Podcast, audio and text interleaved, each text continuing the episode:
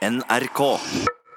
Vi skal snakke om timen mellom natt og morgengry. Timen der de fleste mennesker dør over hele verden. Timen der søvnen er på sitt djupeste og marerittene på det grusomste. Timen vi kaller vargtimen. Vi kan ikke lenger skille en ulv fra en hund.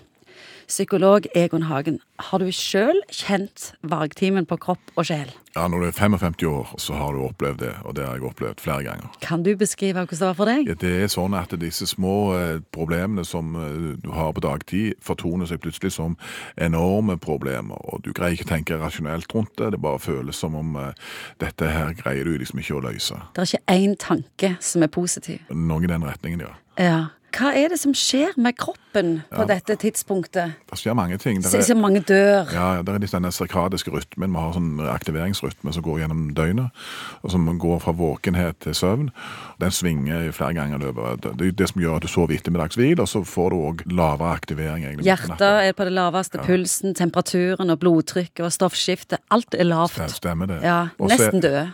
Ja, ja, det er liksom en litt spesiell tilstand. Hvis du da våkner, da, av en eller annen grunn, på den tida, det er liksom det kanskje det dummeste, for da kan du bli liggende Det er bli kjempedumt. Ja, da blir du liggende der og bli overveldet av disse tankene. Eksistensielle tanker, Ja, ofte. hvordan skal egentlig dette gå? og, eh, Usikkerhet, angst. Ja, alle de usikkerhetene som finnes i livet.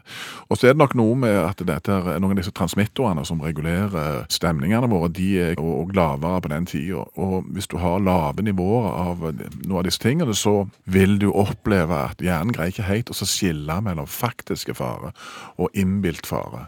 Eh, Sånn at de innbilte tingene legger seg oppå de faktiske tingene, og så blir liksom summen av dette en opplevelse av at eh, livet er uhåndterbart, og det er så mange skumle ting der ute.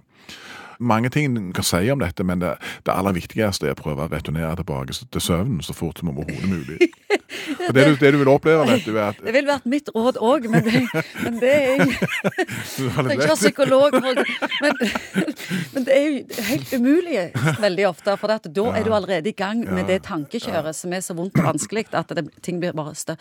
Sånn som du sier, de små tankene blir monstre og uhyrer, og du er kjørt. Ja, ja, stemmer det. Men det er klart at etter, etter hvert som du har uh, levd en stund, så har du kanskje oppdaget at det skjer noe mirakuløst. Og da, hvis du da greier å sovne igjen, og så våkner du til den vanlige tida klokka halv sju, så oppdager du at altså, alle disse demonene er egentlig vekke. Lyset er på, alt er fint. og alt er fint. Ja. Og det er det jo på en måte en erfaring som det går an å surfe på, og bruke òg når du har disse mørke tankene. Det går over.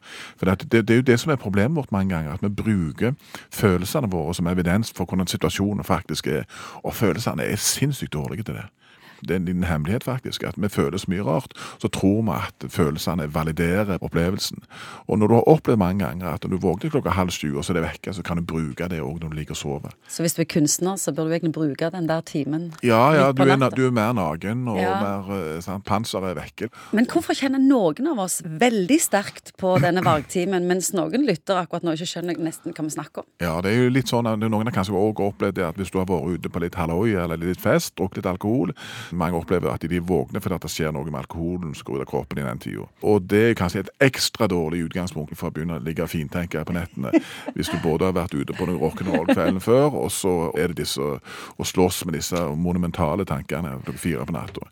Da er det bare én ting. Prøv å få deg sjøl tilbake. Sov. Sov, sov Ingvild. Sov. Det har vagtimen ingen funksjon, ingen verdi, egentlig, utenom det med sa med kunstnerne? Jeg vet ikke. Det, det er et godt spørsmål. Altså, det er jo få biologiske prosesser som opprettholdes fra generasjon til generasjon hvis det ikke har en hensikt. Jeg er helt sikker på at dette er det kloke medisinere som kan si noe om. Du får spørre Morten. Jeg skal spørre Morten Munkvik. Gjør det.